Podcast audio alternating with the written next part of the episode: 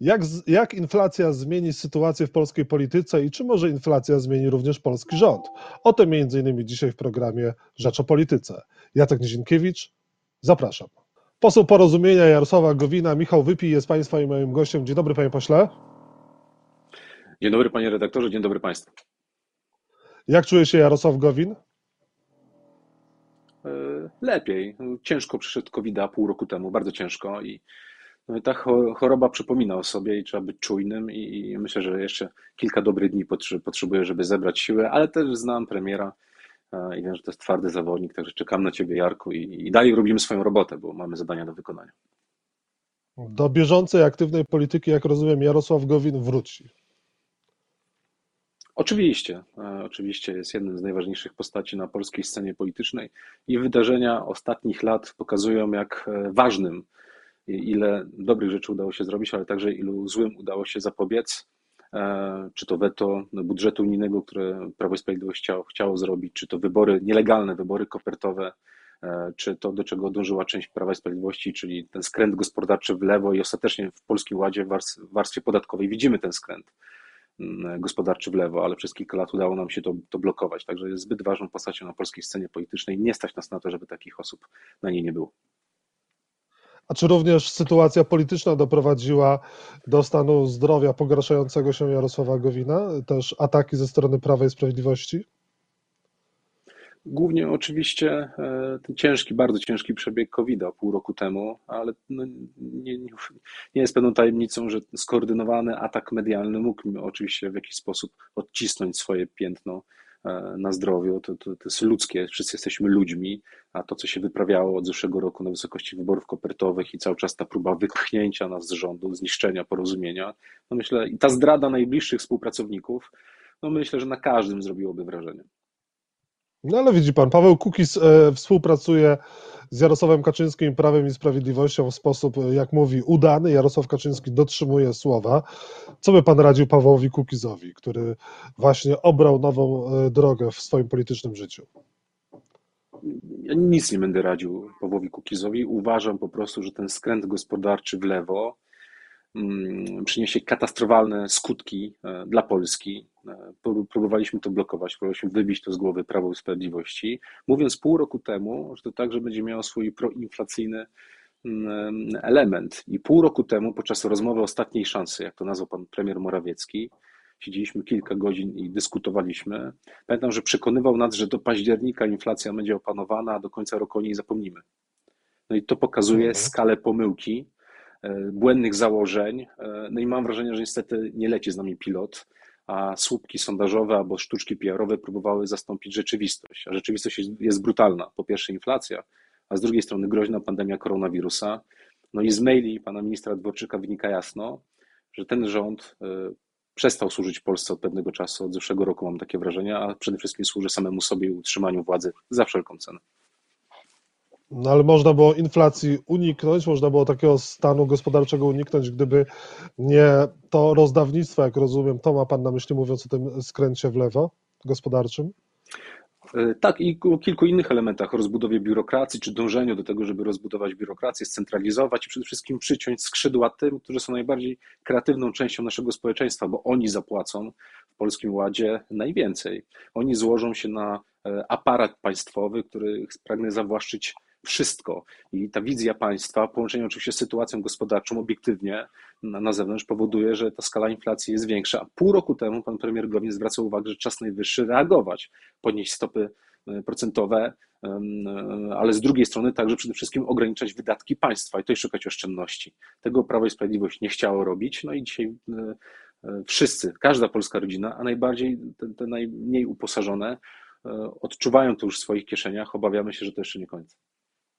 Jarosław Gowin, premier Mateusz Morawiecki, przepraszam, mówił, że inflacja przyszła do nas z zagranicy. Znaczy to jest, że, znaczy mam takie wrażenie, że podobnie jak z, z pandemią koronawirusa, w pewnym momencie Prawo i Sprawiedliwość zamknęło oczy i udaje, że tego nie widzi, albo ma nadzieję, że przejdzie bokiem.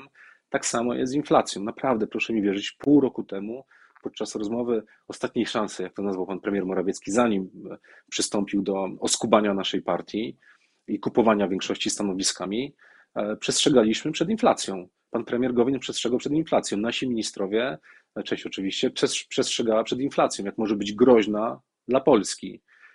I Prawo i Sprawiedliwość zamknęło na to oczy, a teraz udaje, czy próbuje nam wmówić, że inflacja przyszła z zewnątrz. Znaczy, no bądźmy poważni i odpowiedzialni. Sytuacja gospodarcza, jak również pandemiczna i problemy wewnętrzne rządu doprowadzą do wcześniejszych wyborów? Myślę, że nie. I myślę, że wszyscy Państwo także widzicie, że ten układ władzy zrobi wszystko, żeby tą władzę utrzymać. Jeżeli trzeba kupić stanowisk, stanowiskami posłów, to to zrobią. Jeżeli trzeba kryć posła, który podejmował się wątpliwej moralnie pewnej działalności, to będą zamykać oczy, udawać, że nic się nie stało. Nie po to dążyli do destrukcji na naszego środowiska i naszej partii, żeby teraz e, poddać się osądowi Polaków. Także żadnych wcześniejszych wyborów oczywiście nie będzie pan Mejza czy pan Bortniczuk, wokół którego również pojawiają się problemy w Ministerstwie Sportu, pozostaną na swoich stanowiskach? Z całą pewnością. Pan Mejza również? Chyba, że, chyba, że z, e, uda się w jakiś sposób wynegocjować e, miękki upadek, ale przyznam się szczerze, nie po to tworzyli nowe ministerstwo, nie po to układ władzy zorganizował rząd, e, przywrócił Ministerstwo Sportu i wprowadził e, nowych ministrów, kupując w ten sposób większość, żeby teraz ich dymisjonować. Nie ma szans. No dobrze, jak, wygląda, jak będzie wyglądała sytuacja ze szczepieniami? Czy tutaj też e, polityka wyparła zdrowie i zdrowy rozsądek w rządzie? Przede wszystkim proszę zwrócić uwagę na zmianę postawy. To znaczy, wrócimy do początku pandemii. Sam początek pandemii, faktycznie minister Szumowski, Rada Medyczna przy premierze nadawała ton. W pełni, wydaje mi się, odpowiedzialnie, także od strony komunikacyjnej. Wszystko było spójne i jasne. Sprawa była trudna i nowa, i też cały świat się uczył tej choroby, ale w pewnym momencie pojawił się projekt pod tytułem Adama Bielana i Norberta Maliszewskiego pod tytułem Wybory prezydenckie za wszelką cenę. Choćby nawet miało być nielegalne jak się, jak się okazuje. W opinii także organów, które służą czy pracują dla, dla rządu polskiego. I w tym momencie Ministerstwo Zdrowia, czy Centrum, czy Rada Medyczna zostały odsunięte na dalszy plan, a sprawą, czy zarządzanie tym kryzysem zdrowotnym zajęli się ludzie, którzy o tym nie mają zielonego pojęcia. Głównie pan Norbert Maliszewski. Zresztą to wynika z maili pana ministra Dworczyka, że w jakiś sposób każda kolejna fala czy ilość zgonów została wliczona w słupki poparcia obecnego układu władzy i teraz widać ewidentnie, że sprawa wymknęła się spod kontroli i, i próbują rozpaczliwie szukać pomocy, bo widzą, że zawiedli. Widzą, że zawiedli e, tysiące Polaków i myślę, że to także dociera do, do naszych rodaków, że można było wielu zgonów uniknąć, a sprawę potraktować absolutnie priorytetowo i poważnie. Nie histerycznie, ale poważnie. I tego niestety zabrakło. Paszporty y, powinny być, obowiązywać paszporty y, covidowe, a pracodawcy powinni sprawdzać, e, czy pracownicy byli zaszczepieni, czy nie. Wy zagłosowalibyście w Sejmie za tego typu projektem? E, tak, zdecydowanie. Znaczy, po pierwsze, w pierwszej fali mm, pandemii my jako porozumienie zaprezentowaliśmy program Bezpieczny Obywatel. Wskazaliśmy na konieczność stworzenia pewnych protokołów sanitarnych po to, żeby w sferze gospodarki, usług, opieki nad seniorami, przygotować się, e, a przede wszystkim w taki sposób, żeby nie doprowadzić do lockdownu. I to było naszą intencją. Zaproponowaliśmy wtedy też wykorzystanie nowych technologii do tego, żeby stworzyć mapę nabytej odporności, tak żeby móc śledzić i mieć informacje na temat transmisji wirusa, tak żeby wyłączać w razie czego ogniska czy tą transmisję wirusa. I to paszporty covidowe są niczym innym. Dzisiaj to się nazywa paszport covidowy, jak wykorzystanie także możliwości szczepienia do tego, żeby mieć pełną informację. Czyli z jednej strony osoby zaszczepione, ozdrowieńcy, no bo nie ma sensu szczepić ozdrowieńców, to jest oczywiste, i osoby, które e, nie mogą się szczepić z pewnych powodów medycznych, to muszą w takim układzie się testować powszechnie testami PCR. To są rozwiązania, które funkcjonują w krajach wysoko rozwiniętych, które zauważyły, że każdy kolejny lockdown czy ograniczenia powodują także poważne problemy gospodarcze. I żeby ich uniknąć, należy ujarzmić tego wirusa. Żeby ujarzmić wirusa, należy zdobywać informacje. Jak na każdej wojnie, to informacja jest kluczem.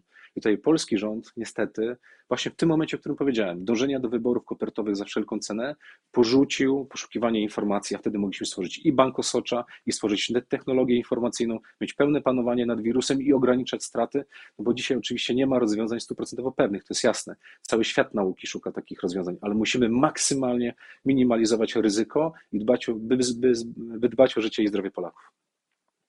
Michał Wypij, poseł Porozumienia Jarosława Gowina był Państwa i moim gościem. Dziękuję bardzo za rozmowę. Dziękuję bardzo, dużo zdrowia życzę. Dziękuję bardzo.